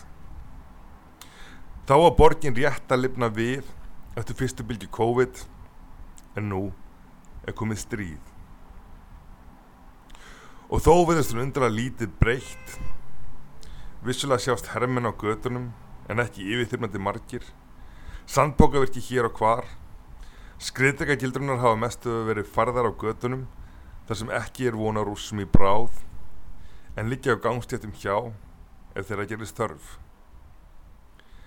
Lestastöðu ána er lokuð og hefur verið breytt í virki, stórt öryggisvæðir í kringum fórsetahöllina, annars getur maður aðtapna sig að vild í það minnsta á milli 6 á mótnana og 11 á kvöldin. Loftarnir borgarnar þykir með aðbröðum og á rúmri viku hafa síruninnar aðeins einu sinni farið í gang. Það er ekkert hér sem minnir á Berlín 1945 eða þess vegna Kív 1941 ekkert sem bendir til að fall borgarinnar sé yfirstandandi. Ungir hipsterar afgreða á kaffihúsum og hárgræslustofum. Engin er kallar í herin sem það ekki vill og farri komast þar að en vilja. Engin talar um uppgefið eða ósigur en það stendur slíkur ekki fyrir dyrum. Hérðan frá séð virðist enga líkur á að Ukrænumenn muni tapa þessu stríði. En geta þeir unnið. Á kaffihúsi hitti ég Kanadamann og Ástrala sem hafa fengið þryggja manna leiði frá borgarlegum störfum sínum til að koma hingað og grafa upp óvirkar sprengjur. Líklega er þeirra á leiðinni austur til Donbass. Þar segja þeir rússa stjóta 50.000 sprengjum á dag en Ukrænumenn 5 til 6.000 á móti. Þetta kuð vera afar niðurdreipandi fyrir hermennina og hjúkunarkonni í Karkív segir mér að helsti vandin sé sá að þeir með mest þjálfun sé nú að falla og þar komi maður ekki í mann stað. Stórskotalið er það sem menn nota þegar þá skortir hernaðalist. Ekki kunna rússar að sækja hratt fram, umkringja óvinnin, þvinga andlu uppgjafar, vinna glæsta hernaða sigra. Í staðin eru héröðu lögði í rúst í fyrir heimstyrjaldar stíl, allt sprengt upp sem fyrir er, þeir búa til eðimörk og kalla það frið. Magn eru líka gæði á staðilin hafa sagt þegar hann hendi enn fleiri hersveitum á óvinnin og eitthvað álíka er hér gert. Og hvenær með stríðinu þá ljúka? Þegar rúsneskar mæður fá leið á að missa sinni sína vegna valdagræði eins manns. Sinni, já, vegna þess að einu óbreyttu borgarna sem deyja í þessu stríði eru ukrainskir. En þess kann að vera langt að býða að nóg sé komið. Þegar sinnir eru fallnir er ekkit eftir nema hatrið. Frekari rauk þarf ekki, þarna eru þeir, hér erum við og þú ert annarkort með þeim eða okkur. Þannig er einn skelvilega lógík stríðis. Á meðan er barist á öðrum vikstöðum einnig. Menningin skiptir máli en það líta ókrænumenn svo á að veri sér inn að útrýma menningu þeirra og eru stitturnar allar huldar sandbókavirkjum. Mikael Bulgakov, höfundur mestrans og margar fættist í borginni og ritaði sín fyrstu verk hér áður hann flutti til Moskvu. Húsi sem hann ólst upp í eftir sínis en heldur tómlegt að sjá.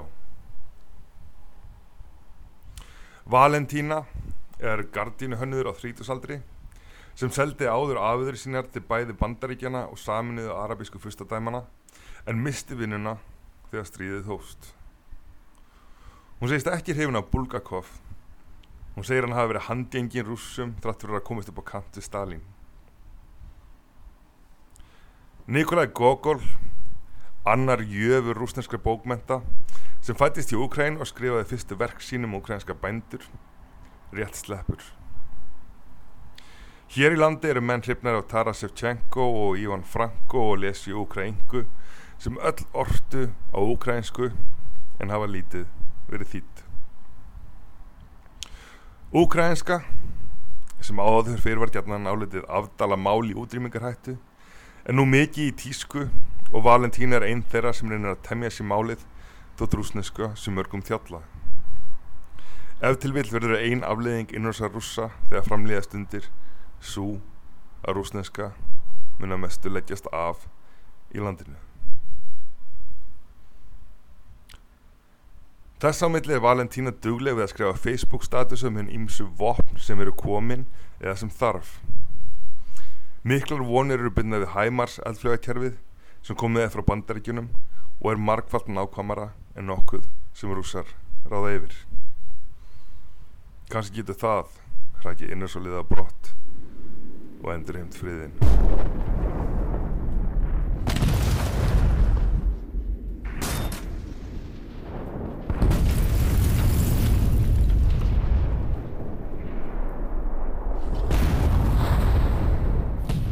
Þú ert að hlusta á morgunútvarpið.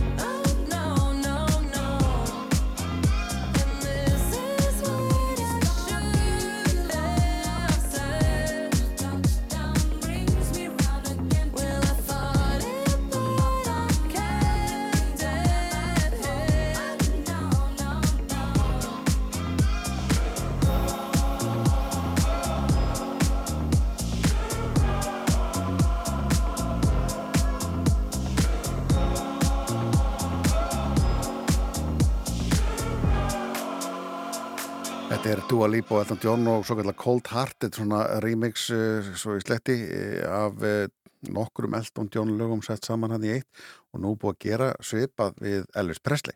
Já. Það er svona Piná mix eitthvað þess að það heitir. Já. Það er gaman að því. Þetta, þetta, þessi lög ganga í endur nýju lífdaga við þetta og Eldon, hann er nú á tónleikaferði eins og, eins og margir eldri tónlistamenn þessi dægrin Já. og hann leysir þetta þannig að því fór og sá hann hann í, í vor Já. Að þegar þetta lag kemur að þá er hún á bandi og, og það er svona tónlistamindband á skjánum fyrir aftan þar sem að Dua Lipa er að syngja og þannig að hún er svona með í þykjó Já. en hann syngur sjálfur Já, já, já. þannig að þetta er svolítið skemmtilegt en rosalega vinsalt lag Eðlilega og og fari, fólk fari ekki leið á því og ég segi eðlilega vegna þess að þetta eru löngu síkild lög sem eru sett hann í eitt búning og þú getur alltaf sungið með þessu öllu saman. Já. En talandi um síkilt, Já. þá er algerlega síkilt að ræða geimin við Sævar Helga Úhú. Bragason sem er kominn og hann er svo spenntur sko að hann stendum beitum í loftið. Já, ég glemdi að greiða mér morgun líka voru að hjóla líka, en það geti útskýrt þetta En jú, ég var ekkert spendur Akkurru? Já, í dag er söguleg stund Í Já. dag verða fyrstu myndinar frá James Webb Gamesjónaka NASA, ESA og fleiri stofnuna byrtar, ofinbörlega og það er vægasagt mikil tilhökun meðal stjartvísindamanna með þessar myndir. Þau sem eru svo heppin að hafa fengið að sjá myndina lýsa þeim sem bara að þau urðu snortin að því að sjá þær. Mm. og ég skil það reyndar alveg að því að ég eiginlega alltaf snortin því ég sé nýjar fallega myndi frá gamesjórningum að því að viðfangsefnin eru glæsileg, þau eru áhugaverð ótrúlega stórfengleg og það verður bara ótrúlega gaman að fá að sjá hvað sjóningin sýnir okkur núna í dag. Já, en þú er búin að sjá eina myndið, ekki? Já, fyrst, við fengum uh, NASA sjón að því hérna að einni myndi gær uh, þegar fórseti bandaríkina og var að fórseti bandaríkina byrtu fyrstu ljósmyndirna og það er svona svolítið PR-stönd hjá bandaríkinum að gera það, fá svona svolítið aðteglinu og sína hvað er mikilvægt hvað að ríki sé að leggja fyrir í svona rannsóknir en svo mynd allir svo sannlega ekki vonbröðum hún er af uh, fyrirbæri sem myndir vetrarbrauta þyrping og vetrarbrauta þyrping er hópur samskonar kerfa og við búum í. Við búum allir í sólkerfi og sólkerfi okkur hluti af vetrarbrautinni sem við sjáum þegar við horfum upp í stjórnbjartan heiminn og þessi kerfi innihalda kannski 100 miljardar stjarn eða meira. Og þarna er svo stór þung vetrarbrauta þyrping að hún sveigir og beigir geimin í kringum sig. Þannig að ljós frá fjarlægum stjórnum fyrir aftan eða fjarlægum vetrarbrautum fyrir aftan magnast upp svona eins og af linsu og sveigir og beigir af leið þannig að við fáum svona boga dregnar myndir af ennþá fjarlægari fyrirbærum og á þessari mynd eru fjarlægustu fyrirbæri sem menn á nokkur, nokkur sinni komið þau á Mm. með sínilegu ljósi eða svona innröðu ljósi og þetta er svo mikil bylting frá höppul og það hálfa að vera nóg af því að þessi mynd sem við sáum ekki og hún er hægt að sjá hann innan rúf.is til dæmis Mhm. Ég er að horfa á hana hérna. Akkurat. Þetta er svolítið eins og bara jólaserja. Já, en, engin smá jólasýrja sko. Þessi mynd ímyndað er að þú ert að horfa á svæði á heimlunum ef þú heldur á sandkorni eða tíndibjörnsveisi útrettri hendi Já. þá er stærðin á myndinni slík þú ert að horfa bara í pínu, pínu, pínu lítinn punkt á heimlunum á þessari mynd eru nokkrar þúsundir veðurbreyta sem hver og einn inni heldur kannski 100 miljardar stjarnaði meðaltali Mhm. og við erum að horfa þetta eins og leit út fyrir kannski alltaf 13,5 miljardum ára og þessum í forgrunni, svona ljóskvítu kekkir, Mhm. þær eru í 4,6 miljardar ljósara fjarlægð, þannig að frá þeirra sjónarhóli er jörðin að verða til það, það, útsinni frá þeim til okkar er ekki dósupað nema þær sjá okkur í fortíðinni alveg svo við sjáum þær í fortíðinni Og er þetta að því að það tekur svo óbúslega langan tíma Já. að komi svo á milli? Já, ljósið eh, fyrir bara svo langt í burtu að ljósgeisli er 4,6 miljard ára berast frá þessum hana, sem eru næstar okkur Mm. til okkar og þetta sá James Webb sjóningin á 12 og hálfri klukkustund Hubble hafði tekið eh, samskona mynd og það tók næst í mánuð að ná svipuðum svipuðum, eh, svipuðum fyrirbærum þannig að þetta er engin smá bylting sem að við erum að horfa upp á núna sko En þessar tölur, þetta er svo, stj- þetta svo Stjarnfræðileg. stjartfræðileg að hérna, að hérna, nei, maður, maður næri, sko, maður næri ekkit utanum þetta. Að Nei, þú, þú nefnir hversu margar vetrabrutir, Já, já, það, það er ekki tækt að skilja þetta en hérna, sko, ég veit ekki þessi tilfinning sem ég fæ stundum eins og mér finnist ég skilja þetta það er svona tilfinninga sem þú maður að sopna og maður að detta og þú er bara, nei, ég skilja þetta ekki Já. Næ, ég, ég skil ekkert hvernig þessar tölur virka eða hversu langt í burtu þetta er og það er bara er ekki hægt að ímynda sér það að Já, þetta er svo stórt og mikið sko. já, og fjöldin af stjörnum og stjörnuþókum og vetrabrutum. Og, einmitt, ég, setti svona smá að því að það er svo gaman að smetla á myndun og fá henni réttur upplaust Já. og svona þýsi inn, inn í hana Mm. og ég gerði það ekki og ég hérna, sá eina svona þyrilvetrabrut þyrilþóku svipuð þeirri sem við búum í Mhm. og sem bara, vá, þú veist, ég hef aldrei komið auga á þetta nokkuð tíman áður, ég er að sjá þetta í fyrsta skipti en þarna kannski býr einhver, þarna kannski er einhver á sinni plánuð og horfa upp í sinn stjörnum heiminn, þar sem stjörnur eru jafn strjálar eins og á næturheiminum okkar Mhm. og það er engin leið fyrir þær að sjá okkur nema það er eigi gamesjónuga, svipað James Webb sem geta nota til þess að horfa 4,6 miljard ára aftur í tíman, eða eitthvað svo leiðis Hvena kemur að því að, að þú kíkir í sjónakan og sér auga hinum einn? sko ef einhver er að plata mig eða stríða mér þegar ég kikið gegn sjónunga það hefur gerst, að fólk er að setja hendunar fyrir og svona. En ég vona að það gerist bara sem allra fyrst. Ah, en þetta er eitt af því sem á sjónungin og líka hjálpa okkur kannski ekki að sína Nei. en í honum er mælitæki sem að getur eiginlega þefað af andrumslofti annar reikistjarna þannig að við fáum í dag upplýsingar um, um efnasamsetningu fjarlags, fjarlagra reikistjörnu og það er an, ansi mikil bylting líka. Já. svo kom reyndar upp spurningi gerð hvernig er þessu myndi teknar? Og þetta er veru tekið þannig að, að sjóningin starir á fyrirbæri klukkustundum saman Mm. fyrir eftir hversu djúft sjóningin vil sjá. Og þetta er tekið gegnum svona litsýr og að því hann, er, hann sér ljós sem við greinum ekki þá þarf hann alltaf að túlka gögnin Þannig að það fíltir á sig eins og Já, öllum sem eru eitthvað flottir í dag. Akkurat, annars er þetta bara svartkvít sko Hmm. og svo eru bara rauður, græn og, og hérna, blá síja og svona uh, sett, svo myndin sett saman og, og litin eru túlkar að því að við erum að skoða ljós sem að mannsögu greinir ekki og af hverju gerum við það? Jú, það vegna þess að þessi fyrirbæri sem við ætlum að sjá með sjónungunum eru svo langt í burtu að alheimurinn þennst út og þá hefur hann strekt á ljósgeislanum sem er svo tegju og þá hefur hann flust úr því hætt að vera sýnilegt ljós, svona eins og við sjáum, yfir það að vera svona hitagislun eða innröldljós og þess vegna þarf sjóningin að vera með gullhúðan speila því að speik, uh, hérna, gull endurvarpar innröðu ljósið hita betur heldur en silfrið sem er yfirleitt notað, Já, það álið. En hvað, hvað við hverju býstu síðan í framhaldina þessu? Fleiri núna er sjóningin bara byrjaður, að hann er tekinn til starfa og það hérna, hann fekk reyndar í sig smá, smá hérna, högg um daginn. Nú. Já, það var svona lítill lítill loftstitt sem skall á einu speiklinum. Hann er alltaf með svo stórt flattamál að það er uh, ekki annað hægt en að hann verði fyrir einhverjum skak, slíkum skakkufullum. En hvar er hann? Hann er í 1,5 miljón kilometra fjarlag frá jörðinni. Þannig að hann er svona rétt rúmlega svona kannski fimmfall lengra í burtu frá jörðu heldur en tunglið.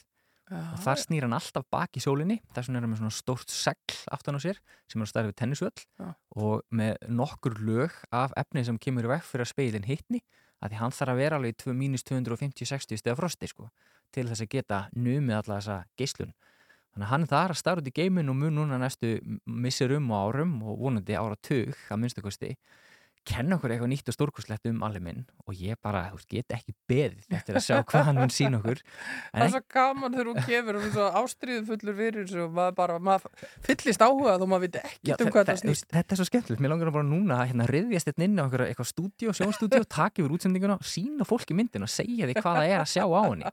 Að þú veist, þetta er engu líkt og um leiðu skilur það sem hún er að sjá, þú veist, maður fær gæsahúðina og, og hérna, bara fyllist einhverju lotningu, veist, að þetta skuli hafa tekist, þetta er árækstu 30 ára vinnu og ég þekki marga af þeim vísindamönnum sem að voru með í verkefnum fyrir upphafi Mm. og þú veist, þeir fella tár Já, ég fyrir að sjá afræksturinn loksins, virtast okkur svona. Eh, við skoðum þessa myndin á Rúbundris og hérna sérðu fullt af doppum og svona einhvern dót og svo sérðu svona stjörnur þá vantarlega er það bara afstæðan gagvart eh, sjóningurum sem að gera það verkum þetta skín svona Já. en svo er alls konar litir og, og, og, þú sér þarna vetrabrautir Aha. hver er munun á litunum, getur maður greint það hvað, hvað er hvað? Já, því rauðari sem að fyrirbæra nýru myndinni, því Já. fjarlægari eru þeir og Já. þannig að þá er ljósið sem að er uppálega kannski bara bláleitt eða hvít búið að hliðrast yfir í rauðar hluta litrosins og það er út af þessari útþenslu alheimsins sem við sjá. Já. Þannig að Hubble sem að gæti ekki séð jafnvel innröð ljós að hann greinir ekki daufustu fyrirbærin sem við sjáum á þessari nýju mynd og að sjá munin á, á henni myndinni sem að byrti gæri og svo aftur mynd af samansvæði sem Hubble tók. Þetta er bara, þú veist, fyrir okkur sem gleru þetta er eins og að setja upp glerugun, sko. Bara algjör bylting. Þannig að blálitir eða hvítur hlutir eru til til að nála okkur Já. en rauðlitur hlutin eru langt í burtu. Og maður sér líka þess að rauðriti, þeir eru svolítið bóknir eins og Já, segja, þú ert að segja áðan. Akkurát og það er eitt af því sem er svolítið merkilegt að það er kannski stundum í sömu tilíkum sama vetrarbröðin, sama fyrirbæri sem við erum að sjá á mismöndi stöðum á myndinni. Og það er út af þessum linsurhefum og ef þið hafið nú einhvern tímann eins og ég fengi ykkur höfuðið. Já, bara ding ding. Það, ég meina, ok, hérna, þegar þið komið heim á eftir, í kvöld þið ætla að skála fyrir James Webb sjónungurum, þá sækið ykkur gott rauðvinsglas á Mm. fallegum fæti og Mm. setið það svona ofan á uh, bók eða eitthvað slis, Mm. eða einhverja mynd og horfið hann ofan í glasið og þá sjáum við hvernig glerið í glasinu virkar eins og linsa sem bjagar textan Mhm. þetta er bara það sem er að gerast þannig að ef þú ert mynd, segjum bara með stórt té eða eitthvað slis og setur glasið ofan á téð þá, þá bognar það og beigir þú sér það jafnvel á mismöndi stöðum. Það er bara nákvæmlega sama að gerast þarna nema vetrarbreytina sjálfa sem eru í forgrunni þessar hvítu deplar þeir eru að bjaga tímarúmið hans Einsteins upp þannig að það verða svona sveigur, dældir og lægðir og svoleiðis sem að byrta þetta á þennan hátt. Ég þarf bara að kíkja í, í riðast inn í stúdíu og hérna Ég treysti því að, að hérna, fréttastofan verði bara með því ég sett í kvöld Já. útskýra þetta. Ég, svo sannlega til. Leggjum það til. Takk fyrir að kíkja á okkur Sævar Helgi Bragason og, og við fylgjumst spennt með þróun mála og nýjum myndum úr websjónverkanum þegar það er byrtast. Glæsilegt, til hamingjum með daginn. Já, til aðmyggjum í dag Það kom að leiðalokum hjá okkur hölda Jú, í dag alveg við hæfið að enda þetta á Spaceman. Já, er það ekki, ekki að láta Sam Rætir sem að við tókum nú skemmtilegt viðtal við hérna um páskana Já. fyrir Eurovision, hann var mjög hress og skemmtilegur eh, þessi strákur og orkan sko skína á honum. Eh, þannig að hérna bara, bara gaman að því. Maður enda þetta á, á Spaceman svona til heiðurs websjónukonum þetta er Sam Rætir, við erum þetta í fyrirmáli 650 I'd be floating in midair, and a broken heart would just belong to someone else down there. I would be the center of my